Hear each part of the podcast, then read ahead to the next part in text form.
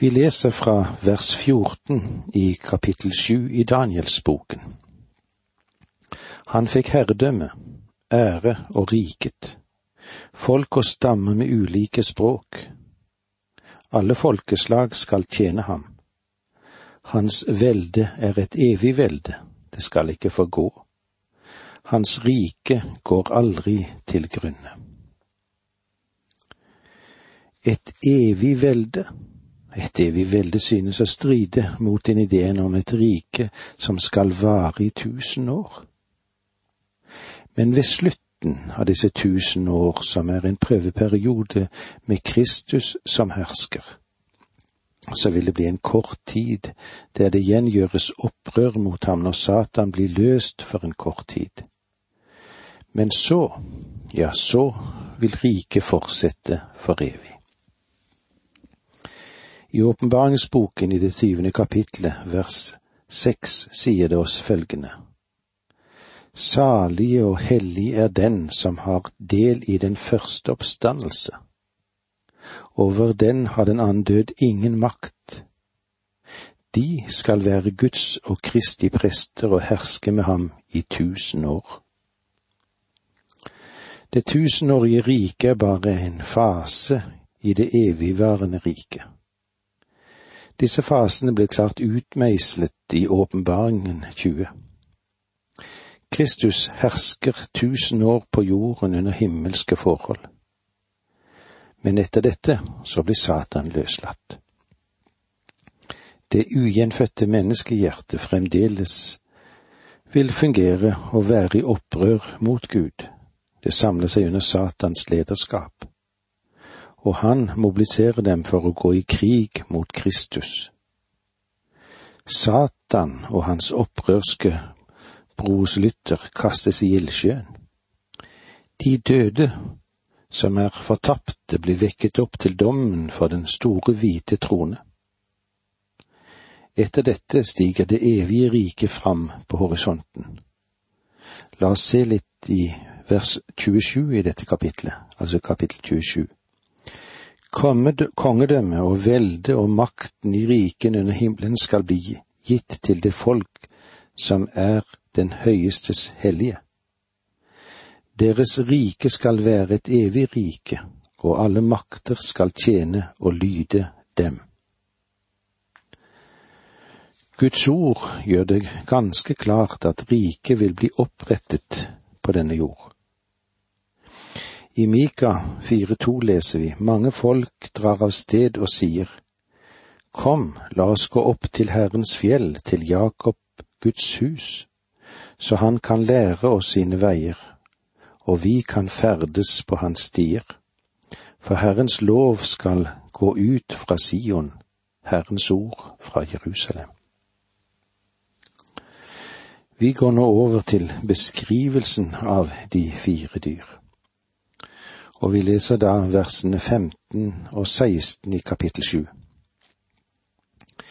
Jeg, Daniel, ble urolig til sinns på grunn av dette. Synen i mitt indre skremte meg. Jeg gikk bort til en av dem som sto der og ba ham om rett forklaring på alt dette. Han svarte meg og fortalte hva synene betydde. På samme måte som den store billedstøtten bekymret Nebukadneser, så begynte bekymringer å gå opp i dette synet som Daniel hadde hatt. Han nærmer seg en av de himmelske skapninger for å få en forklaring. Vers 17 Disse store dyrene, fire i tallet, betyr at det kommer fire konger på jorden. De fire dyrene er ikke bare kongeriker, men konger. Nebukadneser sammen med sitt babylonske rike representerte hodet av gull og løven med to vinger. Alexander den store, som er synonym med det gresk-makedonske riket, fremstilles både ved magen og hoften av kobber, og så har vi leoparden. Disse ville rovdyrene med sin natur som rovdyr og kjøtetere er representative for den karakter som finnes både i kongen og i hans rike. men den høyestes hellige skal overta riket og beholde det til alle tider, i evigheters evighet, står det i vers 18 i dette kapitlet. For å få klart for seg hvem de hellige er, er det viktig å ha dette for oss i dette verset. Det er fem vers i dette kapitlet som nevner dem. Det er versene 21, 22, 25 og 27. Vers 21 og 22. Jeg så at dette hornet førte krig mot de hellige og vant over dem, inntil den gamle dager kom. Da fikk den høyestes hellige sin rett, og tiden kom da de hellige fikk rike i eie. Vers 25 Han skal tale mot den høyeste og fare hardt fram mot den høyestes hellige. Han skal sette seg for å forandre tider og lover, og de hellige skal overgis i hans makt en tid og tider og en halv tid. Og så i vers 27. Kongedømme og velde og makten i rikene under himmelen skal bli gitt til det folk som er den høyestes hellige. Deres rike skal være et evig rike, og alle makter skal tjene og lyde dem. Disse henvisningene fører oss også til det som står i kapittel 28, vers 24. Han skal få stor makt, men ikke ved egen kraft. Han skal gjøre uhyggelig skade og ha hell og fremgang i det han tar seg fore. Han skal gjøre ende på mektige menn og folket av de hellige. Det er noen som prøver å fortolke det som øyeblikk og antar at de hellige er fra Det nye testamentet. Det er mange mennesker som tenker til og med mer nærsynt enn dette. De har en følelse av at deres kirkesamfunn, eller den lille gruppen som de tilhører, er den eneste hellige som finnes. Men eh, Gud har en ganske stor familie. I Det gamle testamentet hadde han mange hellige.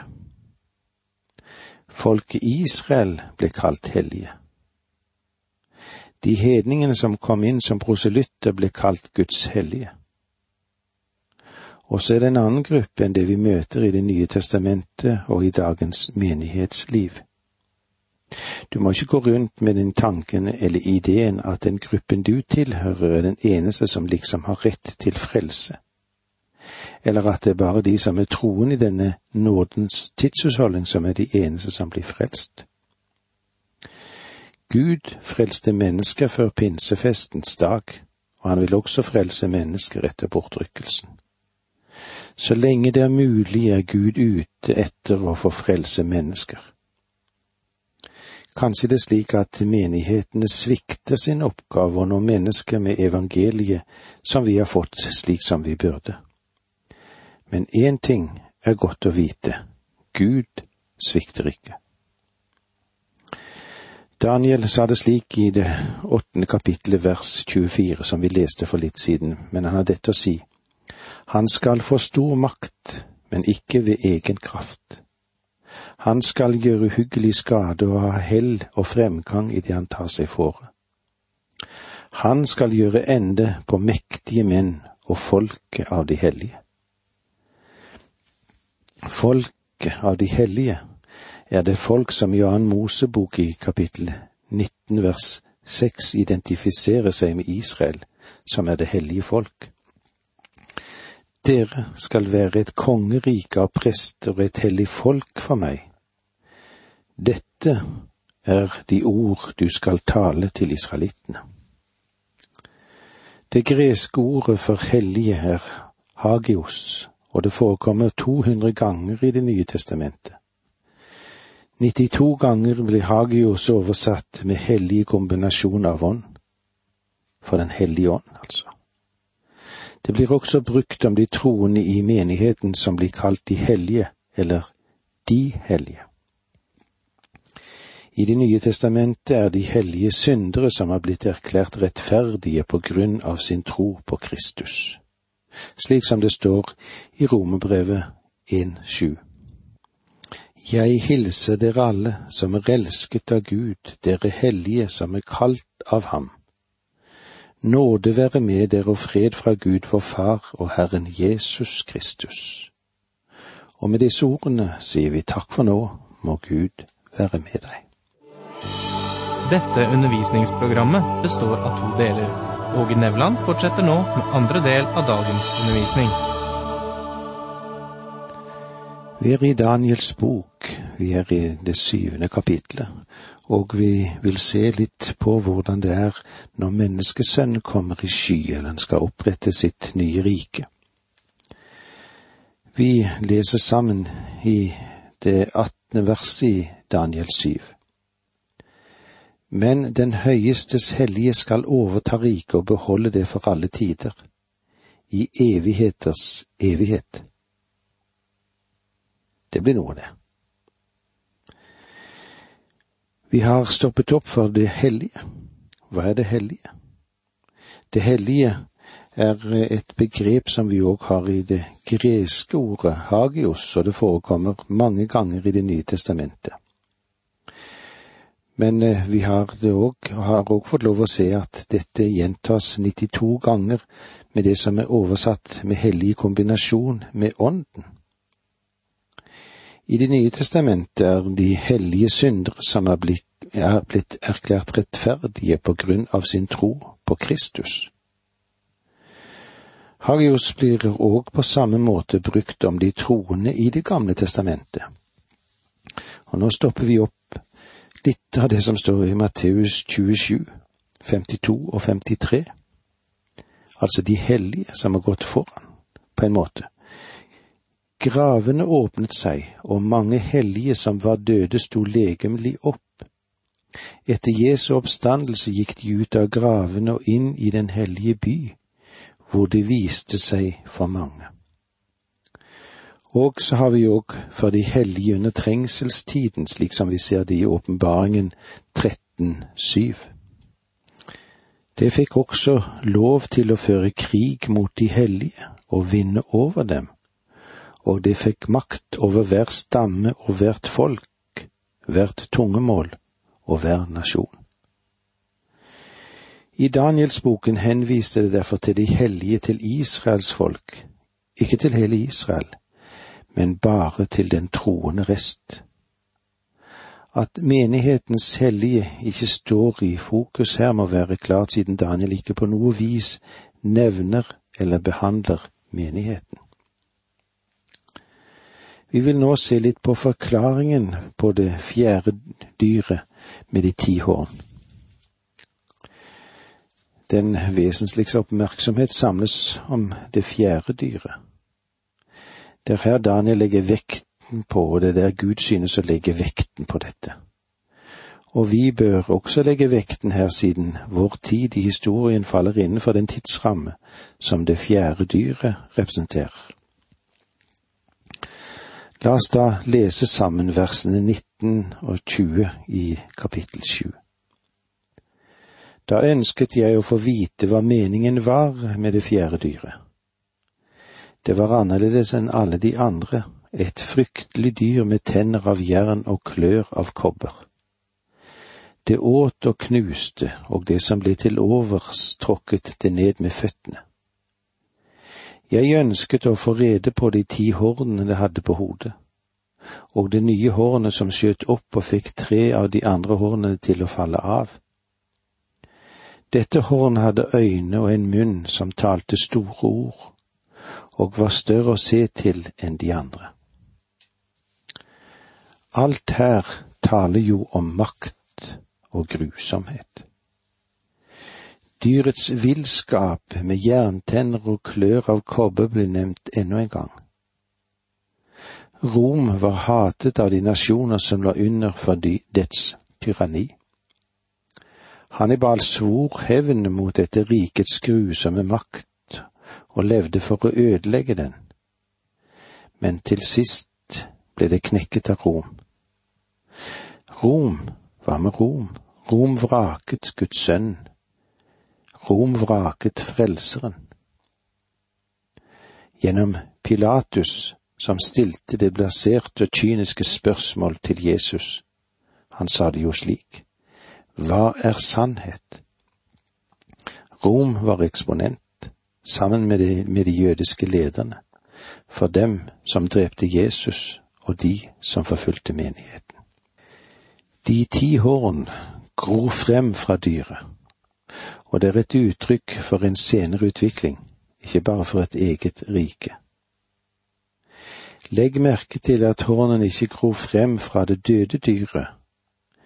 Rom, som er et imperium, lever i fragmenter i de mange riker som eksisterer i Europa og Nord-Afrika i dag. Kanskje også noe er inkludert i Asia. Men det som er sikkert, i alle fall tror jeg, det er vanskelig å identifisere hvert av disse rikene. Ved tidens slutt vil tre av hornene falle av på grunn av det lille horn som dominerer i kraften av sin personlighet, av sine evner, sin propaganda og sin appell til folkene. Det lille horn er antikrist og syndens menneske. La oss se hva det står i 2. brev 2, 3 og 4. La ingen få bedra dere på noe vis, for først må frafallet komme, og den lovløse komme til syne han som ender i fortapelse. Han er den som står imot og opphøyer seg mot alt som tilbes og kalles Gud. Ja, han tar sete i Guds tempel og gjør seg selv til Gud. Og så har vi òg det første dyret som vi ser i åpenbaringen 13, 3-6. Et av dyrets hode så ut som om det hadde fått banesår, men det dødelige såret ble lekt, og all verden undret seg over dyret og fulgte det. Folk tilba draken fordi den hadde gitt dyret makt, og de tilba dyret og sa, Hvem er de som dyret, og hvem kan kjempe mot det? Det ble gitt dyret en munn som kunne tale store og bespottelige ord, og det fikk makt til å holde på i 42 måneder. Da åpnet det munnen for å spotte Gud og begynte å håne hans navn og hans bolig, ja, alle som bor i himmelen.